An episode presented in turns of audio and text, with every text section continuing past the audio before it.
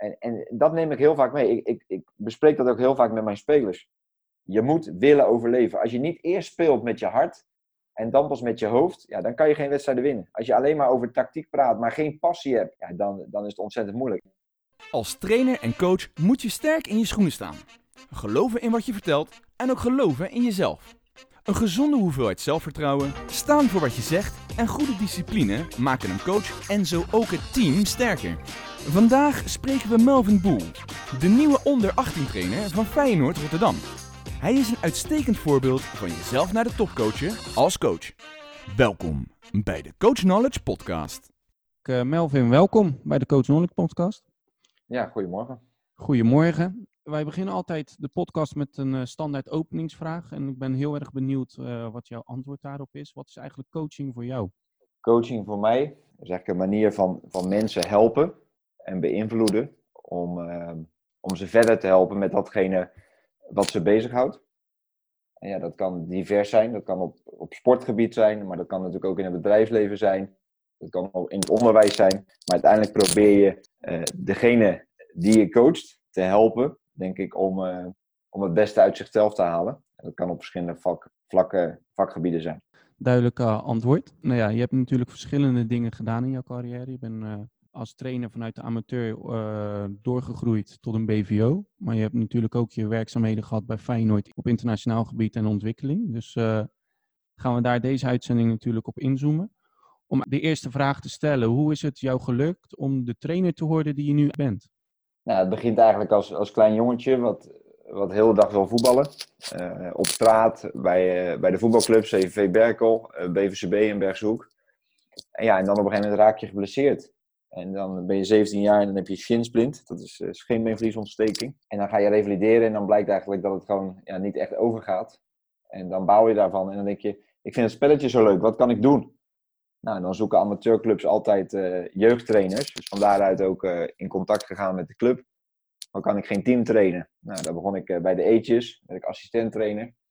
Nou, zo ging dat eigenlijk snel. En toen Vervolgens bij BVCB was eigenlijk datzelfde jaar ging iemand bij de A stapte op als trainer. Dus dan heb ik dat overgenomen met een andere trainer. Ja, en toen is het eigenlijk best wel snel gegaan. Van ja, je bent ermee bezig, je assisteert, je gaat je eigen oefeningetjes bedenken. Nou, dan het jaar daarna krijg je je eigen team. En dan, dan rol je door, ga je je cursussen doen. En dan uiteindelijk, dan kom je op een punt dat dan denk je, wat wil ik? Wil je werken in het bedrijfsleven en het amateurvoetbal daarna doen? Of heb je het idee dat je een bepaald talent hebt? Ik denk dat ik dat had. En, en, dat zag je in resultaten en dat zag je in hoe spelers zich ontwikkelden en hoe mensen reageerden op de dingen die je deed. Ja, en zo ben ik eigenlijk uh, doorgegaan tot 2013, toen ik uh, mijn UEFA-cursus mocht gaan doen. En ik schreef me eigenlijk in, ik had nooit verwacht dat ik werd toegelaten met mijn achtergrond, omdat je altijd hoort dat het de Van Nistelrooy's en de Zenders en de, de Dirk zijn. Ja, en toen werd ik in één keer toegelaten. En toen, uh, ja, toen heb ik die cursus gedaan en toen zeiden zij tegen mij van, ja, je moet, als je die cursus wil gaan doen, dan moet je ook stage gaan lopen. Dus heb ik contact met Damian Hertog gezocht van Feyenoord. Die heb ik eigenlijk gewoon een e-mail gestuurd en gezegd van, uh, ja, ik wil graag eens met je praten, want ik zou stage willen lopen. Daar heb ik heel duidelijk aangegeven, ik kom iets brengen, mezelf, en ik kom ook daadwerkelijk iets halen. Kennis hoe jullie dingen in een proforganisatie doen. Toen zei hij meteen, ja, wat kom je brengen? Ik zei, nou, ik, ik wil fulltime hier zijn. En dat doe ik uit een stageopen, dus dat kost niks. Maar ik wil wel gewoon heel onderdeel van een team zijn. Ik wil gewoon weten hoe het proces is. Ik wil zien wat er in die tijd uh, bij de A2, de onder 18 van Feyenoord, met Jan Gusgus, wat er gebeurt heel de week. Wat, doen jullie heel de week met die jongens? En, en dat lerende, nou dat heb ik gedaan. Daarnaast uh, werd ik uh, hoofdtrainer van BVCB. Speelde toen nog in de eerste klas. Was ik 26. En, ja, en van daaruit ben ik uiteindelijk doorgerold ook naar de internationale afdeling van Feyenoord. En vier jaar later terug naar de academie als hoofdtrainer van de onder 17. Nou, heel duidelijke route. Dus eigenlijk wel heel doelgericht en heel doelbewust verder gegaan in naar wat jij wilde. Heb je daarbij ook een belemmering gezien dat je eigenlijk nooit echt een profcarrière hebt gehad als trainer? Omdat toch vaak het stigma is dat dat nodig is om in de top te kunnen werken. Nou ja, dat is vaak wat je ziet. Als ik kijk dat ik op de cursus op oefenmeester 1 was. En dan zat ik dan met uh, bijvoorbeeld Ruud van Nistelrooy. En die kwam toen ook tijdens de eerste pauze naar mij toe. Toen zei hij ja, wie ben jij, wat doe jij hier? En toen heb ik dat eigenlijk gewoon uitgelegd. Ik zeg, ik ben jong geblesseerd geraakt. Ik heb passie voor voetbal, ik heb passie voor het opleiden van mensen. Ja, en dat heeft me uiteindelijk hier gebracht. En toen moesten wij smiddags training geven. En toen gaf ik training. En toen na de training zei hij, ja, ik snap inderdaad wel waarom jij hier bent, want jij bent echt een voetbaltrainer. Nou, dat is dan ook uiteraard leuk om te horen. En zo is het ook. Ik denk dat heel veel mensen altijd zeggen, zeker ook in de BVO, het zijn eigenlijk, er wordt er altijd een, eh, een pre gegeven aan mensen die zelf ook gevoetbald hebben. Dat, dat zie je ook, zeker in de hogere jeugdelftallen, vanaf onder 16 naar boven zijn bijna alleen maar oudspelers. Ik persoonlijk geloof juist in een mix uh, van achtergronden. Uh, veel verschillende achtergronden is juist goed. Ik denk dat het geen zwakte hoeft te zijn om geen betaald voetbal te hebben gespeeld. mensen zeggen dan van ja, maar je weet niet hoe het is in, in de kleedkamer op het allerhoogste niveau. Nee, maar ik weet wel, omdat ik zelf ook gevoetbald heb, weliswaar op een lager niveau, wat er speelt in een kleedkamer. Dus die dynamiek van mannen onder elkaar, geintjes maken, strijd, uh, teleurstelling als je wel of niet speelt. Alleen niet op het allerhoogste niveau. Ik heb geen Champions League finales gespeeld, maar hoeveel trainers hebben nou uiteindelijk Champions League finales gespeeld? En ik denk dat, dat je een bepaald talent moet hebben. En dat moet je proberen door te ontwikkelen. En of dat dan via bijvoorbeeld het bedrijfsleven is, naar amateurvoetbal, naar profvoetbal, of vanuit een carrière als, als profvoetballer, wat uiteindelijk trainer wordt. Ik denk dat dat niet, niet echt uitmaakt. Het gaat erom dat een achtergrond heeft voor- en nadelen. En belangrijk is wat je er zelf mee doet. Ik denk als je jarenlang gevoetbald op hebt op het allerhoogste niveau, heb je heel veel trainers meegemaakt, heb je heel veel dingen van geleerd. Ik heb mijn eigen visie ontwikkeld, mede vanuit het bedrijfsleven, vanuit de universiteit die ik heb gedaan. Daar heb ik een bepaalde kennis op gedaan, hoe je met mensen om moet gaan, hoe je moet presenteren. Ja, en, en dat maakt wie je nu bent. En ik denk dat op het moment dat je in het betaalde voetbal komt te werken, dan zou je de dingen die je niet goed kan, moet je bij je zoeken. En dat zoek je dan in je staf. Dus ik werk heel graag eh, als assistenten met oud-voetballers, met Oliver Gobbel, met Taument. Omdat dat soort mensen hebben, kunnen net soms in het detail iets extra's aangeven wat ik misschien mis. Alleen ja, ik zorg weer voor een hele goede structuur, voor, voor duidelijke planning, voor goede communicatie met je spelers. En ik denk dat die mix in je staf, dat dat uh, cruciaal is. En je ziet ook, zeker bijvoorbeeld in Duitsland, dat het enorm aan het veranderen is. Dat er steeds meer niet-voetballers trainer worden op het allerhoogste niveau. Ja, dat het ook echt gerespecteerd wordt als vak en dat je het ook echt de kwaliteiten moet zijn die je moet bezitten. Nou ja, dat denk ik. En ik denk, ik heb zelf ook veel ex-profs gezien die dan trainer worden. En in het begin zijn heel veel jongens daar ontzettend van onder de indruk, want ze krijgen trainer van die grote speler of die held. Maar na een aantal weken willen die jongens maar één ding. En dat is, maak je mij beter? Ben je mij aan het helpen met mijn droom? En dat is in het geval van mij op dit moment, spelers profvoetballer laten worden. En dat is eigenlijk wat ik net samenvatte al in toen jij vroeg wat is coaching voor mij. Dat is spelers of mensen helpen vooruit gang te boeken in datgene wat zij graag willen of dat, dat, datgene wat zij doen. En eh, ik denk dat het daarom gaat. En dan maakt het niet uit wat je achtergrond is, maar puur wat je kan leveren op het moment dat je met die mensen bezig bent ja, uiteindelijk gaat het toch denk ik gewoon om de kwaliteit die spelers voelen. Want als je bijvoorbeeld ook kijkt inderdaad naar Marco van Basten, wat een uh, nationaal gezien natuurlijk een enorm grote naam is in de voetbalsport. Waarvan je kan verwachten dat heel veel spelers daar trots op zijn om training van te krijgen. Maar die toch uiteindelijk dan eerlijk toe heeft moeten geven van ja, dit is niet het vak wat ik beheers. Ondanks dat hij wel het spelletje snapt. Dat kan zeer zeker zo zijn. En ik ben zelf enorm van voorstander van dat je op. Kijk, trainers is echt wel een ervaringsvak. Als je net begint als trainer, dat dacht ik zelf ook. Dan denk je dat je alles weet. Maar na een aantal jaar kom je er toch achter dat sommige dingen anders zijn dat je, dan je toen dacht. Ook al moet ik zeggen dat er heel veel dingen nog hetzelfde zijn als die ik deed toen ik 17 ben of was en die ik nu doe. Alleen het punt is, als je uh, ervaring krijgt op verschillende niveaus, dan neem je dat mee. En ik ben enorm voorstander van trainer zijn op amateurniveau. Want daar gaat het uiteindelijk om of je, of je goed of niet bent. Want jij kan training geven bij een amateurclub. Als je dat niet kan door plezier uit te stralen, door jongens te boeien, te interesseren in datgene wat je doet, dan komen ze niet. Want dan denken ze op een regenachtige avond, weet je wat, ik ga lekker naar de bioscoop met mijn vrienden. Ik ga helemaal niet trainen. En met alle respect voor een academisch als Feyenoord, is makkelijk. Al zou ik iedere dag hetzelfde willen doen, ja, die jongens komen iedere dag. Want zij willen uiteindelijk topvoetballer worden. Maar dat is in het amateurvoetbal heel anders. En een bepaalde eerlijkheid en een bepaalde relatie met spelers, dat leer je nog veel meer bij amateurs dan uiteindelijk uh, in de BVO-kant. Ja, ik denk dat je daar wel een mooi onderscheid maakt inderdaad. Want bij BVO heb je natuurlijk mensen die ook heel mooi doel hebben om prof te worden.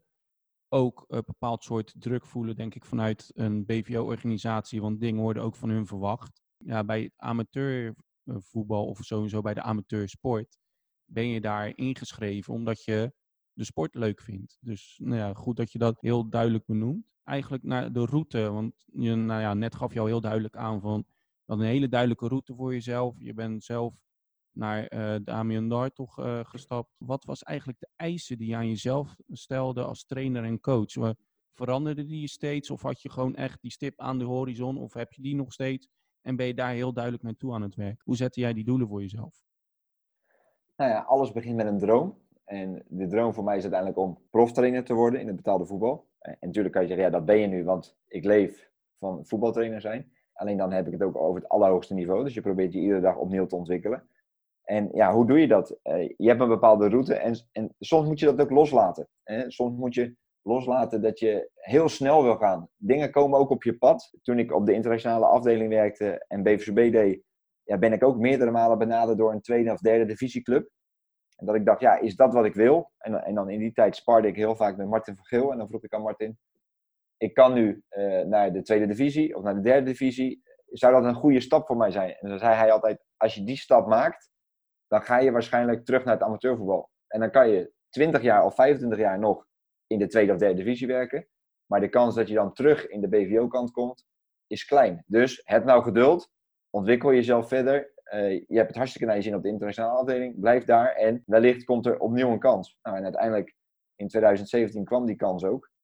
En toen benaderde Feyenoord mij of ik uh, de onder 17 wilde trainen. Nou, als je dat tien jaar geleden aan mij gevraagd hebt, zou je ooit Feyenoord onder 17 gaan trainen? Dan had je waarschijnlijk nee gezegd. Mede op basis van je achtergrond.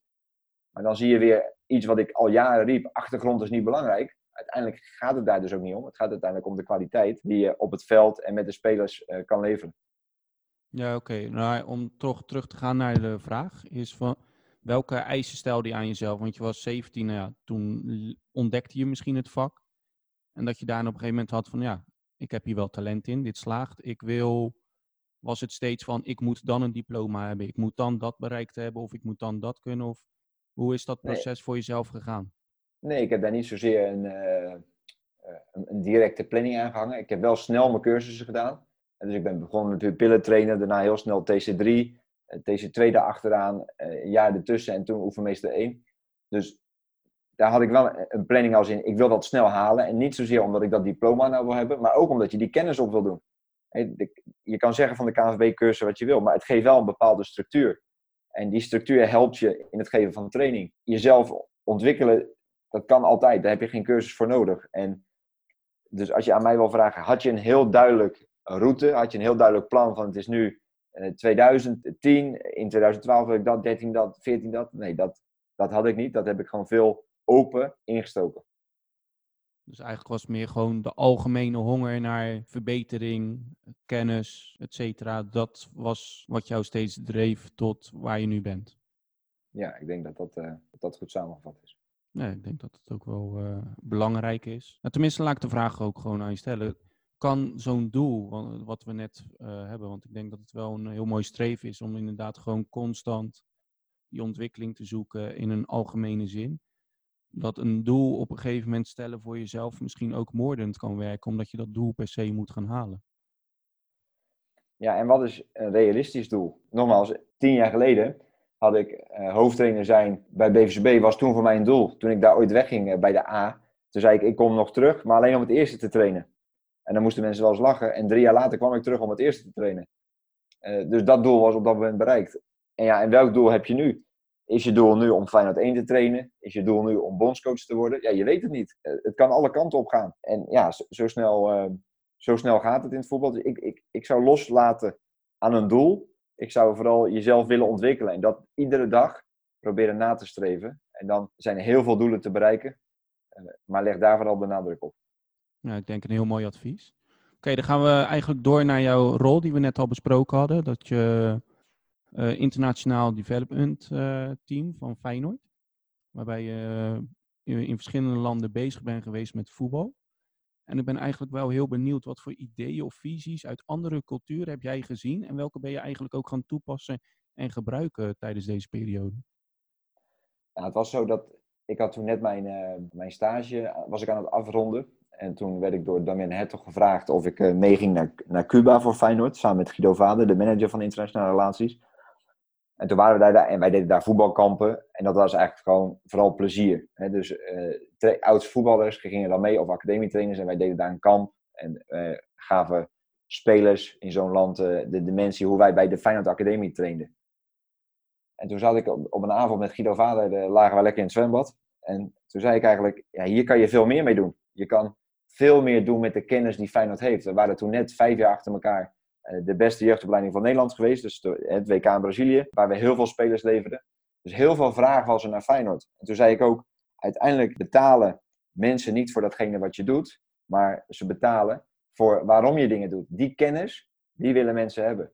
Nou, toen hebben we een heel protocol geschreven en cursussen om in de wereld weg te zetten. Ja, en van daaruit zijn we eigenlijk de hele wereld over gereisd. En ja, je kan je voorstellen, ik zat uh, in februari zat ik in Nigeria, uh, de eerste week van maart in Amerika en de week daarna zat ik in Vietnam. Dus uh, heel uiteenlopend. En in Nigeria ging alles zoals het gaat. Je spreekt om 11 uur af, maar je weet niet of de spelers er zijn. Je weet niet of je er zelf bent. dat heeft te maken met verkeer. Uh, dat heeft te maken met, met logistiek, hè, met, uh, met afspraken, of dat wel of niet goed is doorgegeven, met belangen van mensen die daar moeten verdienen. In, naar een cultuur in Amerika waar alles top is, waar het alleen maar gaat om de absolute beste te zijn, ten koste van alles. Naar een week in Vietnam, waar discipline fantastisch is. Als je tegen jongens zegt, ga eens hoog houden en je loopt weg en je bent vergeten te, te zeggen dat ze kunnen stoppen met hoog houden, staan ze een kwartier later nog steeds hoog te houden. omdat het een hele andere discipline is. Ja, dat vormt je als trainer dat vormt je als mens. Zijn in andere culturen, in andere omgevingen, ja, daar leer je zo ontzettend veel van. Ook de manier hoe ze met elkaar omgaan. Dus hoe, hoe trainers in Amerika eh, met kinderen omgaan, maar ook in Afrika juist. Dat is vaak de wat hardere manier. Maar ook het respect die, die spelers in Azië voor hun coaches hebben. Daar, daar neem je ontzettend veel van mee. En dat heeft mij in het creëren van mijn voetbalvisie enorm geholpen. Ja, noem nou eens dan een paar specifieke voorbeelden, want je noemt inderdaad heel veel uitersten, denk ik, qua culturen en qua uh, sociale rang ten opzichte van een kind en trainer, denk ik. Noem nou eens wat specifieke voorbeelden waarvan je zegt van ja, dat heb ik bijvoorbeeld in Amerika gezien of dat zag ik in Nigeria. En dat heb ik eigenlijk gelijk in mijn rugzak meegestoken en dat gebruik ik nu eigenlijk nog steeds. Nou, bijvoorbeeld in Afrika. In Afrika is een heel mooi voorbeeld. Ik reed ooit een keer langs een township en daar zag ik, uh, zag ik kinderen voetballen en daar zat helemaal er zat enorm fysiek verschil in. Dus er waren jongetjes 8 en er waren jongetjes 14. En die voetbalden allemaal door elkaar heen. En ze hadden allemaal iets anders aan. En uh, de een had wel schoenen aan, de ander niet. En over de ondergrond, nou, daar kunnen we beter helemaal niks over zeggen, want er lagen allemaal keien en stenen en dingen. Maar daar werd echt gevoetbald. Daar werd gespeeld met passie. Daar werd overleefd om absoluut te willen winnen. En dan vroeg ik aan de jongens na afloop, zei ik, waarvoor is het hier zo'n enorme battlefield? Waar, wat, hoe kom je aan deze enorme strijd om deze wedstrijd te winnen? Zei het gaat om de eer van de straat, meneer. Dus de absolute passie kwam gewoon uit niet uitgelachen willen worden gedurende de week dat je bijvoorbeeld naar school gaat of over straat loopt. Want die wedstrijden speelden ze zeg maar iedere week. En dat maakte helemaal niet uit of je ouder of, of jonger was, of dat je eh, groot of klein. Je ging er gewoon met 100% passie in. Dat vind ik fantastisch. Die absolute wil om te overleven, ja, dat heb ik nog nooit zo erg gezien als, uh, als in Afrika. Tuurlijk heb je het net over uitersten, maar voetbal is eigenlijk een sport van extreme. Want je wint of je verliest en daar zit eigenlijk niet, natuurlijk, je kan zeggen gelijkspel, maar eigenlijk zit er niet echt iets tussen. In Nederland kennen wij extreme niet, want wij hebben allemaal een dak boven ons hoofd, we hebben allemaal eten, we kunnen allemaal naar school, we hebben een zorgverzekering. Maar in heel veel landen is dat helemaal niet zo gewoon en zo normaal. En, en dat neem ik heel vaak mee. Ik, ik, ik bespreek dat ook heel vaak met mijn spelers. Je moet willen overleven. Als je niet eerst speelt met je hart, en dan pas met je hoofd, ja, dan kan je geen wedstrijden winnen. Als je alleen maar over tactiek praat, maar geen passie hebt, ja, dan, dan is het ontzettend moeilijk. En dat, dat heb ik echt wel in dat soort landen geleerd. En dan kan je zeggen van, noem een concreet voorbeeld. Dat zie je gewoon in het aansporen van trainers naar kinderen toe. Dat zit er zo jong in. Maar ook vanuit de jongens zelf. Zij willen echt iets bereiken met zichzelf eh, ten opzichte van de straat. Want uiteindelijk weten zij helemaal niet of ze ooit naar Europa gaan. Ze voetballen gewoon om daar de absolute beste te zijn.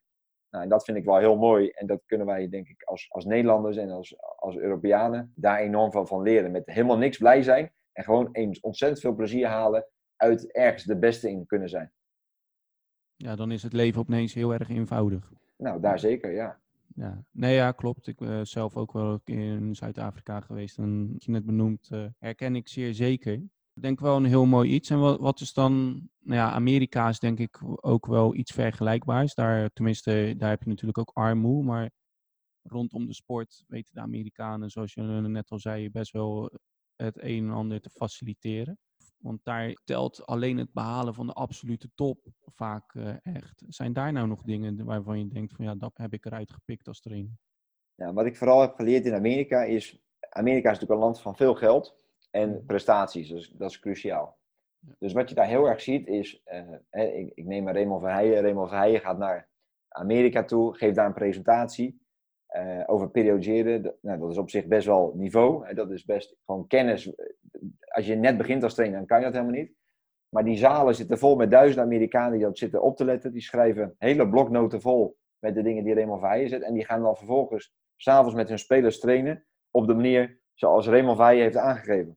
Alleen, zij zijn nog helemaal niet in staat om kwaliteit toe te voegen aan de training. Dus het positiespel loopt helemaal niet. Eh, de partijen zijn helemaal niet tactisch onderlegd. Maar uiteindelijk spelen ze wel drie keer vier minuten, zoals Raymond Verheijen zegt. Want ze periodiseren. Nou, dus wat ik enorm heb geleerd in Amerika is dat wij, als wij in Nederland zijn, dan bouwen wij een huis en beginnen we met de fundering en dan bouwen we heel langzaam dat huis op. In Amerika beginnen ze, eh, bij wijze van spreken, met het, met het raam in het dak. Eh, zij willen namelijk zo snel mogelijk dat dat dak erop staat. Dus wat ik daar enorm ge- geleerd heb en gezien, dat als je niet zorgt dat de basis goed is van je team, van de manier van spelen, eh, als je dat niet op dag één daarmee begint, dan kom je uiteindelijk nergens. En dat doen ze in Amerika. Dus in Amerika willen ze allemaal snel, snel, snel. Eh, zijn ze al bezig met het spelprincipe van de derde man, voordat ze überhaupt weten hoe je positiespel 2 tegen 1 moet spelen. Nou, en dat heb ik daar ook wel weer geleerd. Dus dat nam ik ook weer mee. Dus als je ergens komt, begin dan altijd bij de basis. En als je die basis onder de knie hebt met je spelers of met je team, dan kan je van daaruit stappen maken, bijvoorbeeld op tactiek of op basis van periodiseren. Maar rustig aan, eerst doen wat je moet doen. Ja, dat is, wel echt een eh, hele mooie les. eh mooi verhaal ook denk ik om te horen. Twee hele mooie verhalen uit die tijd. Gaan we nu inzoomen op jouw rol, zoals eh, nou ja, nu het huidige seizoen, die helaas iets abrupter tot einde kwam als gehoopt, maar als onder 17 trainer. Nou, jij zit bij een BVO natuurlijk, maar je wil ontwikkelen. Nou ja, we hebben het heel veel over ontwikkelen gehad. Alleen, ik kan me ook zomaar eens voorstellen, helemaal bij een onder 17, binnen de opleidingsstructuur ga je natuurlijk naar een senior. En bij een senior telt uiteindelijk steeds meer die prestatie. Hoe hou je de balans tussen dat ontwikkelstuk, dat dat goed gewaarborgd blijft, maar dat er ook toch steeds meer een drang tot prestatie gaat komen? Nou ja, het belangrijkste is natuurlijk het doel van de Feyenoord Academie. En dat is spelers in Feyenoord 1 krijgen. Dus het is hartstikke leuk als ik kampioen word. Maar als ik vervolgens over eh, twee of drie jaar niemand in Feyenoord 1 zie spelen, ja, dan telt de hele het kampioenschap niet. Dus, en daarbij probeer ik te zeggen, dat zit hem in de manier van spelen. Eh, stil, je schiet altijd maar de bal hard naar voren en je scoort. Hartstikke leuk. Maar daar ga je uiteindelijk Feyenoord 1 niet meer redden. Dus en je zal vanuit een bepaalde opbouw eh, moeten spelen, vanuit een bepaalde discipline. Dat is ontzettend belangrijk. Nou, gedurende het seizoen eh, hebben wij competitie. We hebben en we hebben uiteraard de beker. Dus wat probeer ik altijd? Ik probeer in de competitie probeer ik ontwikkeling van individuen en ontwikkeling van speelwijze proberen wij bovenaan te zetten. En dus een bepaalde manier van spelen bij de spelers die wij hebben. En zoals we dat graag zien eh, bij Feyenoord, bij Feyenoord 1. eh, dat is heilig in de competitie. En, maar daarin willen we uiteraard wel wedstrijden winnen. En hoe ouder je wordt, hè, dus bij mij in onder 17, is het winnen al belangrijker dan in de onder 14. En in de onder 19 bij eh Dirk Kuyt is, is het winnen nog belangrijker. Want ja, daar moeten ze gewoon leren wat presteren is. Dus dan moet de laatste minuut die bal over, eh, over de boarding heen om die wedstrijd te winnen. Aan de andere kant denk ik, dat is bij onder 14 niet anders. Want ook daar wil je winnen. Het, Feyenoord, of het voetbalspelletje speel je om te winnen. Dus het Feyenoordspelletje, wat wij spelen tijdens de wedstrijd, is uiteindelijk ook om te winnen. Maar wel met een bepaalde manier, zodat spelers ook daadwerkelijk dingen leren. In de bekerwedstrijden doe ik dat anders. In de bekerwedstrijden zeg ik altijd, tel maar één ding, dat is winnen. Want verlies je in de beker, dan ben je er ook uit. Dus daar gaat het in, in die losse wedstrijden, dat zijn mooie toetsmomenten, wil je per se winnen. Daar moet eigenlijk alles voor wijken. Dus dan kan het best wel zijn dat je met de beste elf speelt, geen wissels toepast. Want ja, je wil alleen maar die wedstrijd winnen. Zodat jongens ook daadwerkelijk dat meekrijgen. Oké, dus je kiest echt gerichte momenten wanneer je eigenlijk de competitie gebruik je echt voor de totale ontwikkeling over het seizoen. En de beker wordt ook wel voor ontwikkeling gebruikt, maar ook voor die ontwikkeling van het gevoel, deze moet gewoon binnengehaald worden, punt. Ja, precies. En daarom ben ik ook persoonlijk niet zo heel blij met de KNVB. De KNVB heeft een aantal jaar geleden de opzet veranderd. Dat wij eh, bijvoorbeeld met de onder 17 tot en met de kerst spelen om bij de eerste acht te komen. En op het moment dat je bij de eerste acht zit, dan plaats je je voor de kampioenspool. En dan na de kerst speel je nog twee keer met de beste acht tegen elkaar om de landstitel. Dus daardoor wordt het presteren wordt veel belangrijker gemaakt. Want als jij in het begin van het seizoen heel veel in opleiden zit, ja, misschien speel je daardoor gelijk, misschien verlies je één of twee keer. Ja, en hou je die kampioenspool niet. Ja, dat zou voor een club als Feyenoord verschrikkelijk zijn. Want daardoor kan je niet tegen Ajax, AZ, PSV, Utrecht spelen. Maar dan speel je in één keer tegen VVV, uh, Willem II en uh, Excelsior bijvoorbeeld. En dat zijn ook mooie uitdagingen. Alleen de KNVB legt dus de nadruk al heel snel op het winnen van wedstrijden. Ik zou voorstander zijn van een lange competitie. Gewoon een normale. Want ik denk dat het juist goed is als je ook uh, tegen Vitesse speelt. Of tegen Excelsior, wat bijvoorbeeld een keer 5-3-2 speelt. Of 4-4-2. Dat is hartstikke interessant en herkenbaar. En daarom hebben vaak BVO's het ook heel moeilijk tegen amateurploegen. Die in één keer uh, 5-3-2 spelen, heel erg inzakken, alleen maar de lange bal hanteren. Uh, want dat is een hele andere manier van spelen. Maar ook dat moeten spelers leren. Als jij iedere week alleen maar tegen Feyenoord, Ajax, PSV en AZ speelt, speel je altijd tegen jongens die kunnen opbouwen, die over een positiespel beschikken, die hoog druk willen zetten. Maar het is juist leerzaam om een keer te weten, wat moet je nou doen als een tegenstander heel erg inzakt? Maar dat komen wij heel weinig tegen. Ja, dat is eigenlijk, mis je dan een variatie in je opleiding. Want uiteindelijk het ultieme doel, inderdaad Feyenoord 1. Je krijgt ook uiteindelijk dan te maken uh, op Europees niveau, maar ook gewoon uh, aan de onderkant van de eredivisie met ploegen die zich zo in gaan graven. Dus ja, ik snap jouw verhaal zeer zeker wel, want ja, je moet toch beide kunnen uiteindelijk aan het einde van je opleiding. Ja, dus wij zoeken dat heel erg in oefenwedstrijden. Uh, en soms bel ik gewoon een amateurclub op. dat kan Alexandria zijn bijvoorbeeld. die bel ik op en dan zeg ik, ja, willen jullie met jullie onder 19 tegen ons spelen? En dan wil ik graag dat je 5-3-2 speelt. Nou, en als clubs dan zeggen, ja, dat willen we. Oké, nou, dan spelen we die wedstrijden. Uh, om dat te oefenen. We zoeken vaak toernooien gedurende het jaar, dat we internationale weerstand krijgen. Uh, dan zie je ook hele andere speelstijlen. aan het begin van dit jaar zijn wij op een onder 18 toernooi geweest in Moskou. Ja, dan is het hartstikke leerzaam. Dus fysiek zwaar. Maar dat is ook uiteindelijk waar je met die jongens naartoe wil. Uh, dus daar en dan gaat het helemaal niet om resultaat of het toernooi winnen, maar dan gaat het om die ervaring meenemen. Ja, en dat is, dat is hartstikke leerzaam. Dus daar proberen wij als Feyenoord wel ons programma op af te stemmen. Ja, leren onder een andere weerstand, zoals het zo mooi heet. Oké, en dan ook ja, onder 17 is natuurlijk een prachtige leeftijd. Ik had het ook uh, in mijn draaiboek naar jou toe uh, gezegd. soms heb je spelers die je achter het spreekwoordelijke behang wil plakken, maar die je toch graag naar hun top wil krijgen. En ja, ik merk het zelf ook en misschien zelf ook, dat de relatie speler-trainer in de jeugd de afgelopen tien jaar wel veranderd is. En hoe ga jij daarmee om? Nou, dat denk ik ook. Hè.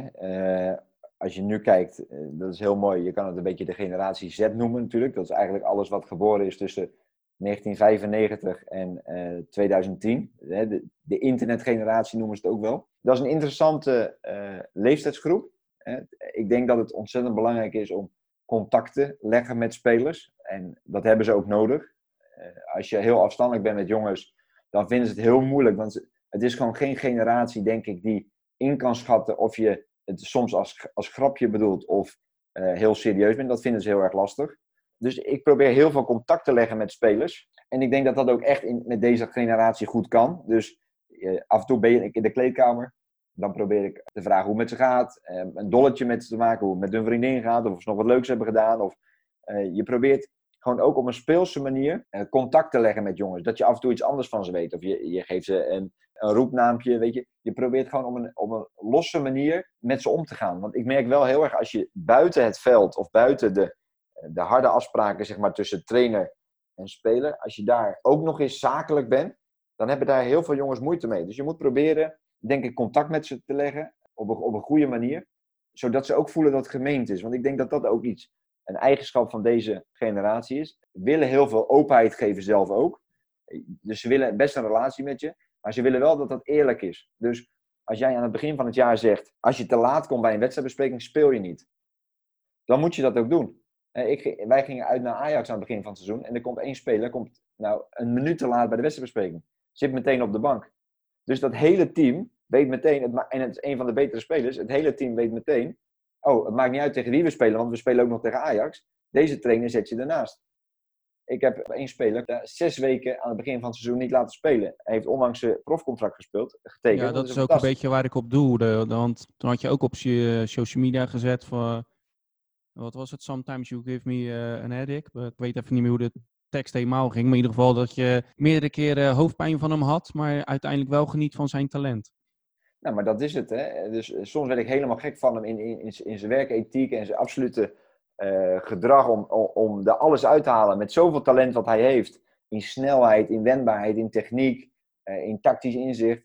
Maar dan heel makkelijk erover denkt. Dan heb ik gewoon gezegd, nou, ik ben er klaar mee. Je gaat maar lekker zes weken zitten. En, en, en dat hebben jongens ook gezien. Denken ze, oh zo, hij zit een van zijn, van zijn top vier spelers zit hij op de bank.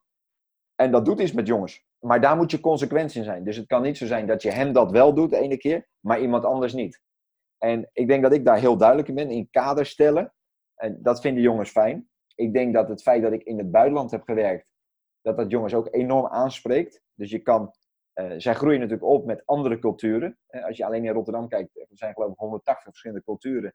Dus jongens weten niet beter dan met andere culturen om te gaan. En daar pikken ze ook allemaal wat van. En dus ze hebben een beetje straattaal en ze hebben een beetje dit en ze hebben een beetje dat. dus daar doe ik ook in mee. Ik praat ook wel eens een beetje in straattaal tegen de jongens. Dat vinden ze mooi. Want daardoor ben je een van hun. Je moet wel altijd zorgen dat je trainer blijft.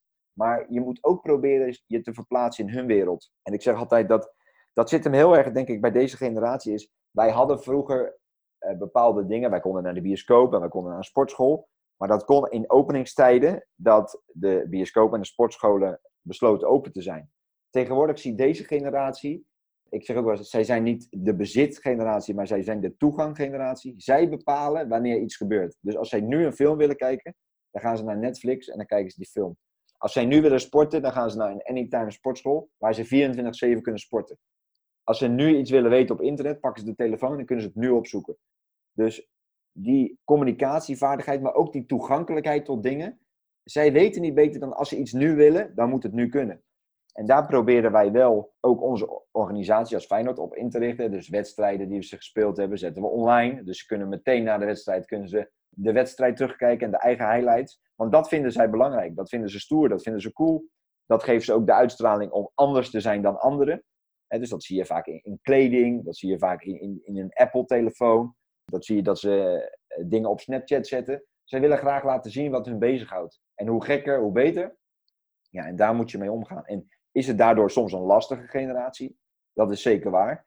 Uh, dus ik denk als je kijkt naar innovatie in sport bijvoorbeeld, of innovatie als trainer, ga maar mee met deze tijd. Dus verdiep je in die telefoon, verdiep je in wat je met Netflix kan, of op de PlayStation 4 kan. Uh, want dat raakt jongens. Ik had laatst een, een hooghoud challenge voor ze. En dan geef ik de winnaar geef ik 50 euro uh, PlayStation te goed. Want dat triggert die jongens. Als je normaal zegt, je krijgt een bioscoopkaartje, de trainer een bioscoopkaartje. Maar geef je ze 20 of 50 euro voor de PlayStation. Ja, dan uh, heb ik binnen 10 minuten heb ik, 100 eh, filmpjes met 1000 keer hooghouden erin. Want dat vinden ze prachtig. En ja, dus daarin moet je heel erg meegaan met deze generatie. En dan is het echt een generatie die je af en toe hoofdpijn kan bezorgen. Dat je denkt, kom op jongens, haal er nou eens meer uit dan erin zit. Maar je krijgt er uiteindelijk, als je consequent bent en eerlijk, dan krijg je er ook ontzettend veel voor terug. Ja, mooi verhaal. En toch ook even op één punt inzoomende. Ben jij dan ook iemand die eigenlijk altijd, want dat is ook een grens misschien die voor sommige trainers ja, soms net iets te ver gaat. Ben jij dan ook een trainer die in principe altijd bereikbaar is voor spelers via bijvoorbeeld de WhatsApp? Want je hebt ook heel veel trainers, generatie tussen de 40 en de 50, die zeggen van ja, die, dan, dan appen ze me. ik heb liever dat ze me bellen. Heb je daar harde afspraken over? Of ga je ook mee in, in bijvoorbeeld in een WhatsApp-gedrag? Of uh, hoe ga je nou, daarmee om? Ik ga wel. Uh, kijk, ik ben zelf 33, dus ik, ik zit ook midden in die. Uh, nou, ik zit niet midden in die generatie, maar wel qua, qua internet en dat soort dingen. Nee, ik zit daar heel open in. Het gaat uiteindelijk om dat je een communicatiemiddel met elkaar bedenkt waar je tevreden over bent. En of zijn wij dan appen. Voor sommige jongens is het ook ontzettend moeilijk om naar de trainer toe te stappen en wat te vertellen. Ik denk dat ik wel een basis creëer uh, bij mijn spelers dat ze dat kunnen. Dus ik doe altijd popgesprekken per jaar. Er zijn drie officiële popgesprekken. Uh, waarin wij spelers beoordelen en aangeven hoe hun situatie is. Of, of het goed met ze gaat, of dat ze op twijfel staan, of dat misschien op exit staan. En daaromheen probeer ik iedere zes weken probeer ik ook met mijn spelers te praten. En eigenlijk begin ik de eerste week al meteen dat ik zeg van... Na één week trainen ga ik met ze zitten en dan vertel ik wat mijn beeld van hun is. En in die, dus dan kan ik al aangeven, deze week heb je de volgende indruk op mij gemaakt. je bent heel erg een teamspeler, of je bent lui, of ik moet je de hele tijd hetzelfde vertellen dat je op moet letten of moet luisteren. Uh, waardoor die jongens na een week weten, oké, dit is het gedrag wat ik aan de trainer laat zien. Is dat het gedrag wat zij willen, of vinden ze dat niet het gedrag wat ze proberen uit te stralen? Dan weten ze na een week dat ze wat aan moeten doen. Ja, dan daar vooral volgende... goud eerlijk in zijn. Ja, vooral eerlijk in zijn. Dan na een aantal weken zit ik weer met ze en dan ga ik zeggen, oké, nou, hoe vind je tot nu toe de voorbereiding? Hoe vind je de manier van spelen? Hè? Hoe vind je het team? Maar ook hoe vind je de trainer? En dan zeg ik ook dat als je mij een klootzak vindt, dan moet je zeggen, trainer, ik vind u een klootzak. En uh, word ik daar boos om? Nee, want anders moet ik die vraag niet stellen. Maar ik wil graag weten wat ze van mij vinden. En op het moment dat zij iets aangeven, ik geef ze ook aan dat ze eerlijk moeten zijn. Juist eerlijk moeten zijn, want dan kan ik er wat aan doen. Uiteindelijk moet, moet ik zorgen dat er een uh, connectie is tussen mij en een individu en tussen mij en de hele spelersgroep, zodat ik ze beter kan helpen. Nou, daar kan, kan er best eens een feedback terugkomen van een speler. Dat hij zegt, nou, soms weet ik niet of het nou een geintje is of niet. Bijvoorbeeld. Nou, dan denk ik, oké, dan weet ik dus bij die speler, moet ik daar wat consequenter in zitten en wat duidelijker in zijn. Want anders geeft het er misschien een gevoel van onzekerheid. En dat moet ik dan meteen wegnemen. En ik merk dat spelers enorm open zijn. En door dat soort gesprekken zie je ook gedurende het jaar dat jongens heel makkelijk naar me toe komen. Je maakt dus een keer een dolletje, eh, je loopt dus een keer naast, je gaat een keer in de bus naast zitten en je praat dus een keer over iets anders dan voetbal. Ja, dat vinden jongens ontzettend fijn. Want ja, de druk op die jongens is al zo ontzettend groot dat is wat je tegenwoordig nu ook hoort. inderdaad, is dat op de jongeren, nou ja, school, sport, overal moet er gepresteerd worden. Dat de druk inderdaad heel groot is. En dat uiteindelijk er een soort zoektocht is naar een veilige haven. En ik denk dat je een paar mooie voorbeelden geeft over uh, hoe dat zou kunnen werken. Dan verder daarop verdiepend, uh, nou ja, je noemt net heel veel uh, hoe we in contact gaan treden met spelen en dat soort verhalen. Maar dan komen we uiteindelijk naar het spanningsveld. We hebben een teambelang en een individueel belang. Hoe ga je daarmee om? Nou, uiteindelijk is het individuele belang voor mij het allerbelangrijkste. Want nogmaals, het gaat erom dat ik jongens in het eerste elftal krijg. Sterker nog, het gaat er mij mhm. om dat eigenlijk als jongens er klaar voor zijn, dat ze doorgeschoven worden naar een hogere leeftijd. Om daar uitgedaagd te worden. Het is niet zo dat ik daar een soort race van maak. Dat ik denk, ja, als ik voor januari vier spelers uh, kan doorzetten uh, naar de onder 19, dan heb ik het goed gedaan. Nee, dat is gewoon een proces. Het ene jaar gaat wat sneller dan het andere jaar. Nogmaals, wij willen presteren, want daar zijn we Feyenoord voor. Zeker ook in de onder 17. En dat weten jongens ook. Dus het is ook niet zo bij mij uh, dat iedereen speelt. Uh, in principe spelen wel de beste elf. er moet gedurende de week moet met onder andere Rick Kost met de performance trainer we bepaalde targets in fysiek. wat ze moeten doen, wat ze met GPS meten. Als ze dat niet halen, dan komen ze bij mij niet aanmerking om te spelen. En toptalenten moeten daar dan in uitblinken. En als toptalenten daarin uitblinken, dan spelen ze.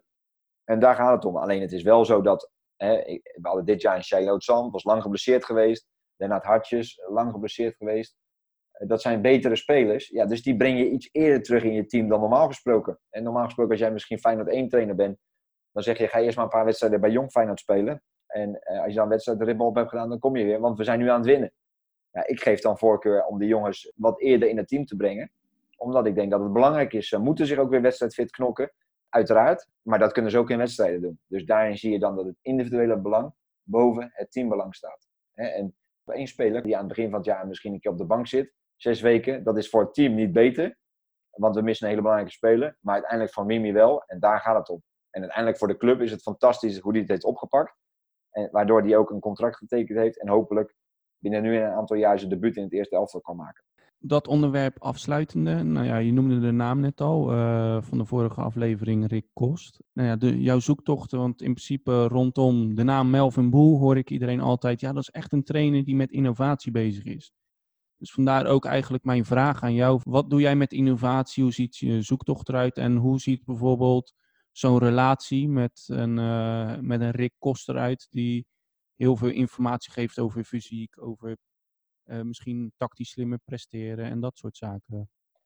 Nou ja, zoals Rick Kos, waarschijnlijk hebben jullie dat uh, vorige week uh, gehoord in de, in de uitzending, is onze performance directeur. Heeft niet een directe achtergrond in het voetbal, maar wel op het allerhoogste niveau, hè, onder andere op de Olympische Spelen gepresteerd.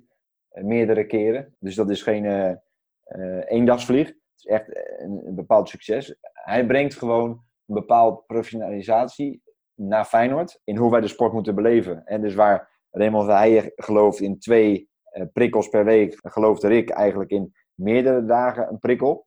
Zeker nu elke dag een prikkel. Alleen wel in bepaalde tijdsblokken. dus die bijvoorbeeld op een maandag lager zijn dan op een, op een dinsdag. En op een, dag voor de wedstrijd ook weer lager zijn dan, uh, dan andere dagen in de week. Uh, maar altijd dat lichaam wel op spanning zetten. Hij heeft dat ook meetbaar gemaakt. De spelers hebben GPS om, hebben hartmonitor om en dat wordt ook uitgelezen. Nou, dat kunnen we belangrijk maken. Dus op het moment dat je vindt dat in andere competities eh, in het buitenland altijd zeggen, ja, de Premier League is het tempo zo ontzettend hoog. Ja, dan moeten wij kijken, wat is dat tempo dan? Wat voor, hoeveel sprints trekt daar de rechtsbuiten? Of hoeveel uh, omschakelmomenten heeft daar een middenvelder? Nou, dat brengen zij allemaal in kaart. En dat kopiëren ze ook weer naar, naar ons toe. Om te zeggen, oké, dus de rechtsbuiten van Feyenoord moet tien keer een sprint trekken van 20 km per uur. In een eerste helft. Ik noem maar Nou, dan weten wij dat dat, uh, hoe vaak die dat moet kunnen. Dus dan weten wij ook hoe vaak we dat gedurende de week in een oefening moeten wegzetten. Zodat die speler in staat is om dat op zaterdag te leveren. Nou, daar, daar zitten allemaal theorieën achter zonder de, uh, heel theoretisch te worden. Maar nou ja, zoals Rick, uh, Rick, het benoemde, altijd trainen op de rand van de chaos.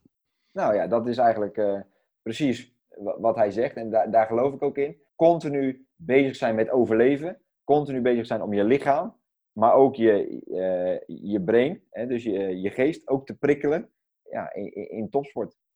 Mhm. En wat zijn dan nog andere bronnen waarbij jij op zoek gaat naar innovatie? Dus in jouw zoektocht naar ontwikkeling, ook naar zelfontwikkeling. Wat ben jij in de laatste periode tegengekomen waarvan je zegt, dit heeft echt toegevoegde waarde gehad voor mij als trainer-coach? Nou, ik vind zelf is hè, de, de vraag hiervoor die je stelde: hoe leg jij het contact met spelers? Hoe zorg je ervoor dat je met deze generatie bezig kan zijn?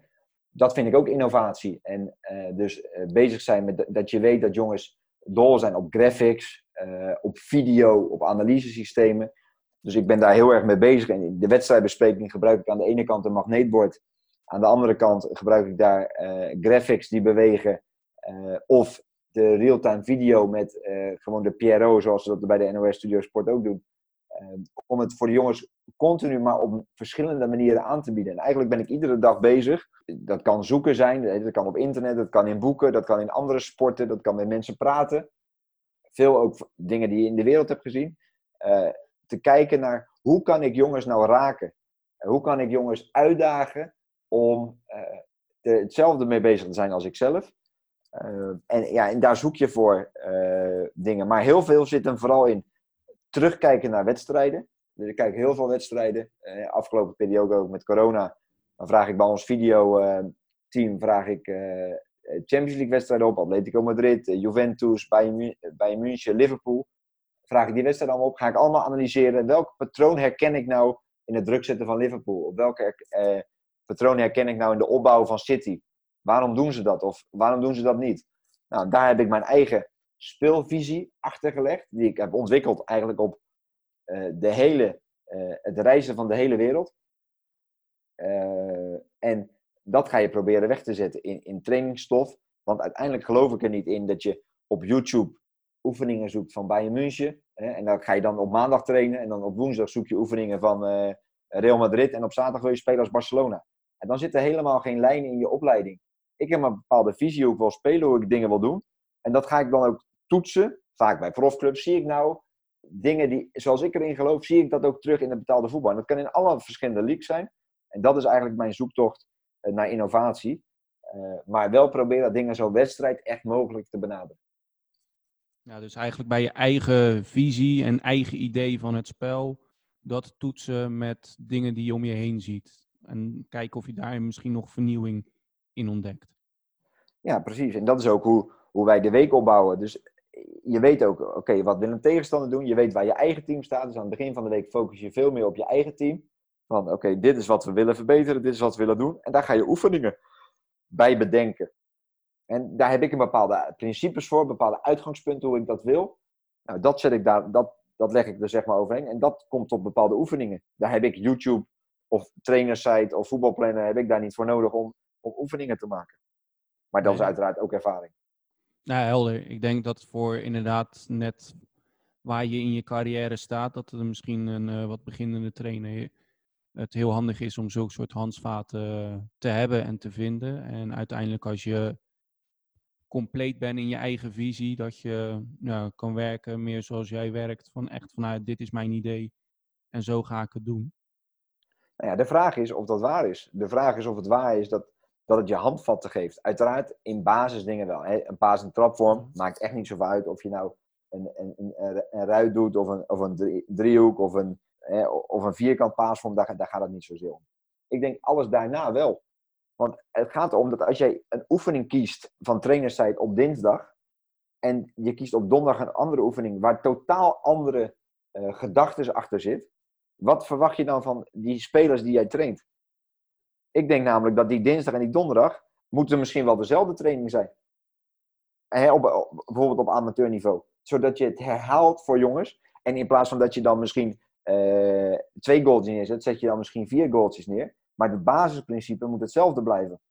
En dat zorgt ervoor dat jongens kunnen leren, dat ze situaties gaan herkennen. En ik denk juist het grote probleem bij mensen die alle hun oefenstof op internet of uit boeken halen, dat daar een probleem is dat iedere sessie kan totaal anders zijn. En ik denk dat dat enorme chaos en onzekerheid creëert bij spelers. Ja, zodat je de stabiliteit in de gedachtegoed die je over wil brengen gewaarborgd blijft. Dat is eigenlijk Precies, dus, dus mijn uh, advies of mijn visie daarin is altijd, probeer nou een speelwijze te ontwikkelen met, vanuit bepaalde principes. Dus wat wil je als je de bal hebt, wat wil je als je de bal niet hebt. Uh, en ga dat trainbaar maken in bepaalde situaties. En als alles wat je doet, in, hè, dus als ik aanvallen train, zijn mijn basisprincipes van aanvallen, komen in alle oefeningen van aanvallen komen die terug. In allemaal. En daardoor is het voor spelers herkenbaar. Dus als je een positiespel speelt, dan zijn zij altijd op zoek naar de vrije man of naar de vrije ruimte. Dat basisprincipe, dat is er altijd. En dan maakt het niet uit hoe ik de vorm doe, want zij weten dat dat is hun kapstok, dat is hun houvast, de principes die we van tevoren met elkaar duidelijk hebben gesteld. En uiteraard doe ik dat aan het begin van het seizoen. dit wil ik in balbezit, dit wil ik als we de bal niet hebben, dit wil ik in de omschakeling. Dus spelers weten niet beter. Uh, en dat is uiteindelijk de houvast om te overleven. En als die principes er niet voor zorgen dat je in je oefening kan overleven, hè, dus dat je succes kan halen in je oefening, dan kloppen je principes niet. Want mijn principes zijn zo opgebouwd dat je in iedere situatie jezelf zou moeten kunnen redden. Ja, denk ik mooi. Nou, maak misschien de laatste vraag die ik altijd stel een beetje overbodig, maar ik ga hem toch stellen. Misschien dat je nog uh, met iets anders moois nieuws komt. Wat is uiteindelijk met alles wat we besproken hebben een echt ultiem eindadvies wat jij zou willen geven aan trainers? Ja, ik zou als trainer denk ik, mijn eindadvies is dat je altijd dicht bij jezelf blijft, ongeacht waar je naartoe gaat. Want ik denk dat het voetbalspel, uh, dat heb ik ook gezien in de wereld. Uh, ik, ik heb in zoveel verschillende landen gewerkt en eigenlijk overal is de dingen zoals ik er naar kijk, zijn ook gelukt.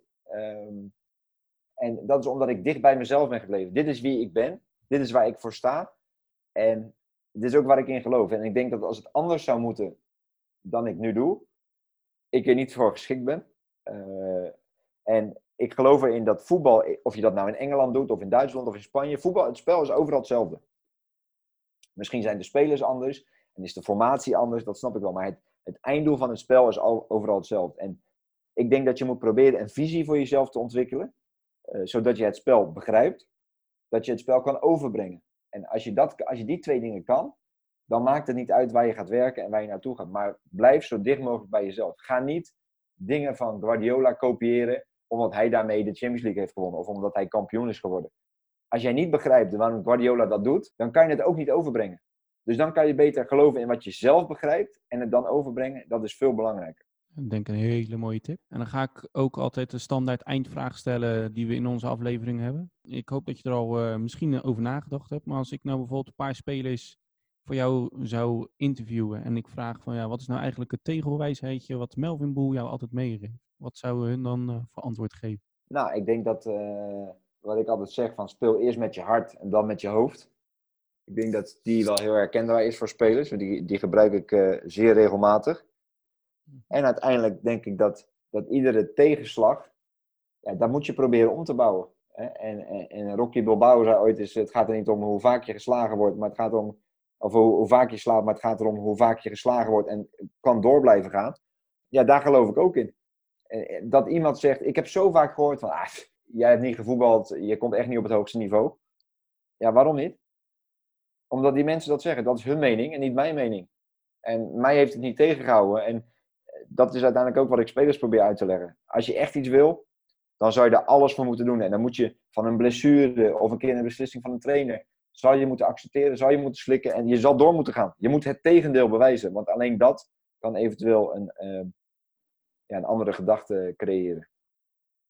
Nou, ik denk een hele mooie conclusie uh, al met al. wil ik jou heel graag eh, bedanken om eh, te gast te zijn bij ons.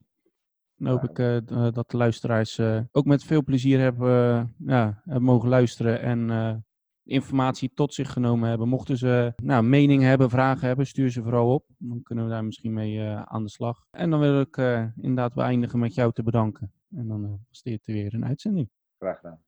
Bedankt voor het luisteren naar de Coach Knowledge Podcast. Wil jij meer te weten komen over coaching? Of zit je zelf met een vraag? Laat het ons weten. Ga naar onze website of Instagram en vergeet ons niet te volgen. Tot de volgende keer bij de Coach Knowledge Podcast.